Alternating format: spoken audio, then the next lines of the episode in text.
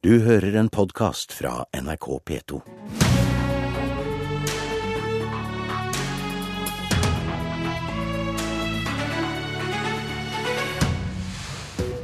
Må vi øke forsvarsinvesteringene med nesten 200 milliarder de neste 20 åra for å være i stand til å forsvare oss? Eller er det bare skremselspropaganda? Det blir maktskifte i Bodø. De som pakker kontoret, frykter det vil føre til at veksten og utviklinga stopper opp. Velkommen til Politisk kvarter. NRK presenterte i går hovedinnholdet i forsvarssjefens fagmilitære råd, som blir lagt fram for forsvarsministeren neste uke. Rådet sier kort oppsummert at vi må bruke 180 milliarder ekstra på Forsvaret de neste 20 åra, om vi skal opprettholde og modernisere Forsvaret omtrent som i dag. Alternativet som er stilt opp, er ingen kostnadsvekst. Det vil kutte Hæren til to bataljoner, og gjøre at vi må kvitte oss med alle tunge stridsvogner, artilleri, ubåter og Orion-fly, og redusere Kystvakta, og droppe ti av de bestilte F-35-flyene, for å nevne noe. God morgen, Bård Vegar Solhjell, forsvarspolitisk talsmann i SV. God morgen. Vi har hørt deg si i Nyhetsmorgen at det er et eh, falskt bilde at vi må satse på massiv satsing eller ei katastrofe. Opplever du dette som forhandlingstaktikk fra Forsvaret? La meg først få si at eh, nå har jo ikke forsvarssjefen fått presentert sitt faglige råd ennå. Før vi i hvert fall begynner å diskutere alle enkeltheter og detaljer og tall, syns han skal få gjøre det. Eh, men når jeg likevel velger å gå inn i debatten nå, er det fordi at hvis den ender med at vi må velge mellom katastrofe eller massiv pengesluk, så får vi en elendig debatt, og vi får en falsk debatt. Jeg har aldri opplevd i politikken at det er sånn at vi blir stilt overfor et sånt valg. Og For meg høres det ut som eh, Det kan ofte være at noen prøver på et grep der de sier at hvis ikke vi gjør sånn som det her, eh, og vi får mye mer, så blir det katastrofe. Sannheten er at vi skal ta stilling til hvordan vi skal bygge videre et sterkt nasjonalt forsvar. Vi har et godt norsk forsvar i dag. Under den rød-grønne regjeringa vokste budsjettene jevnt og trutt. Men vi har utfordringer, særlig med hvordan vi skal ivareta vår, vårt store territorium i nordområdene. Og vi har en utfordrende situasjon med et mer ustabilt Russland, som eh, har stor vekst i forsvarsbudsjettet. Og det er neppe mulig å opprettholde med nullvekst? Altså, Jeg tror det på mange områder innenfor Forsvaret vil være viktig å styrke det i åra som kommer. Men eh, det er òg nødvendig å være klar over at for det første er Norge blant de landene i Nato som bruker mest på forsvar per innbygger. Eh, det er ikke sånn at vi er et land med, som nesten ikke har brukt penger på det. Det er tvert imot. Vi er den øvre enden av skalaen. For det andre så er det òg helt andre ting som trygger vår sikkerhet. Og hvis jeg får gi et europeisk bilde De fleste, eller mange land i Europa nå er inne i en økonomisk og sosial krise og har akutt behov å bruke sine penger på å styrke eh, få folk i arbeid, styrke økonomien, eh, eh, få folk til å styrke utdanningssystemene, gjøre ting som gjør at folk økonomisk og sosialt får det bedre.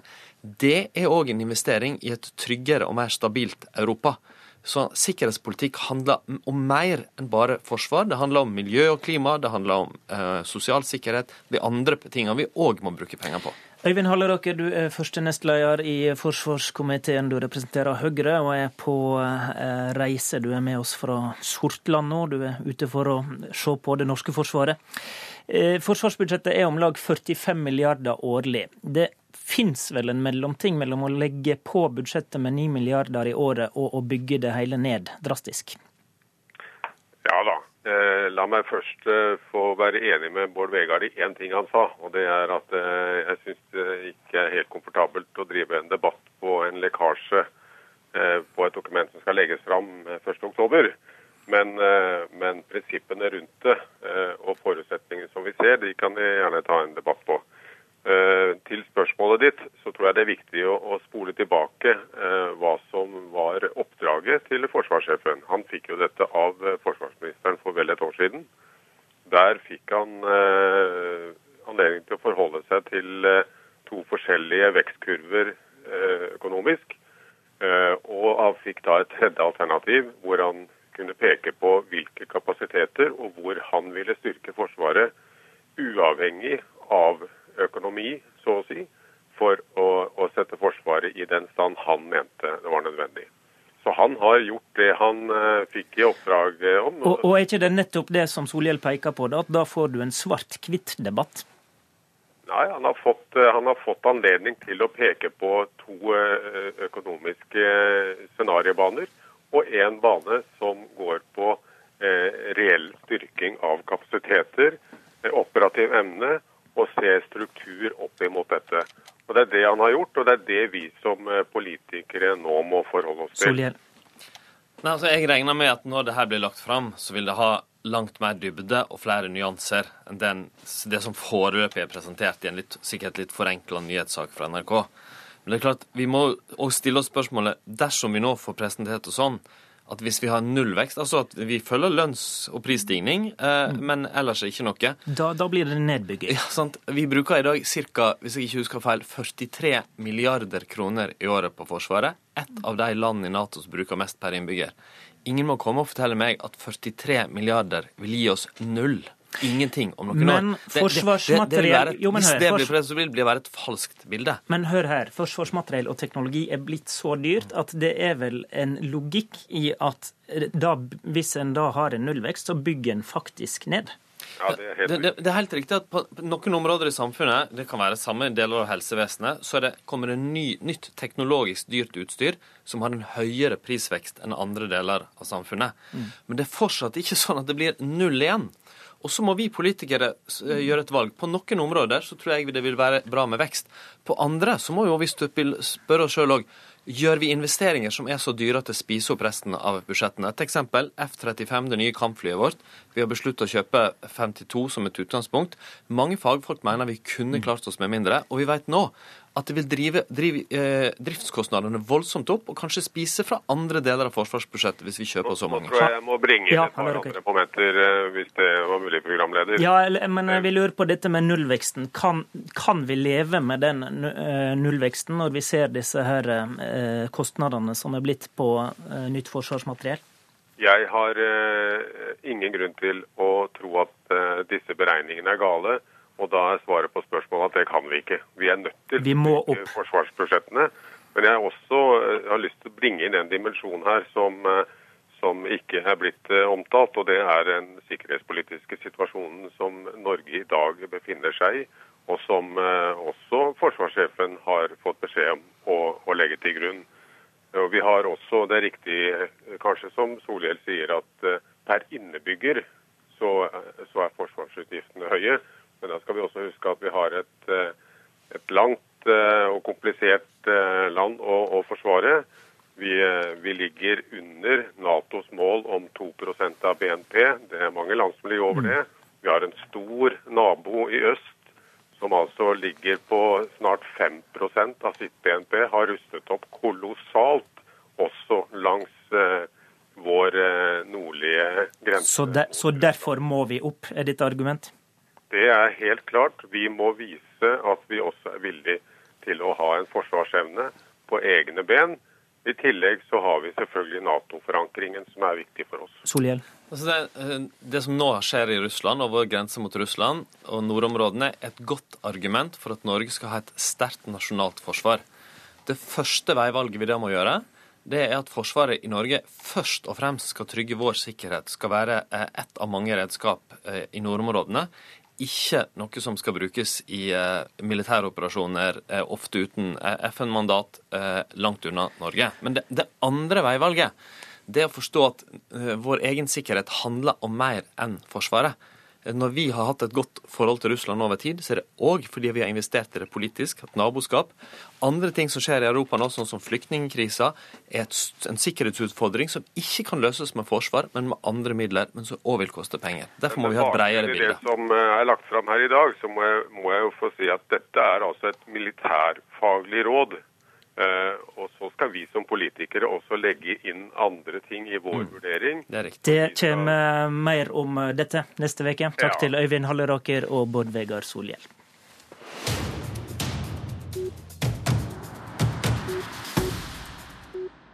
God morgen i Bodø, påtroppende ordfører for Arbeiderpartiet Ida Pinnerød. God morgen, god morgen. Forsvarslekkasjene er kanskje egnet til å skape uro i din by også?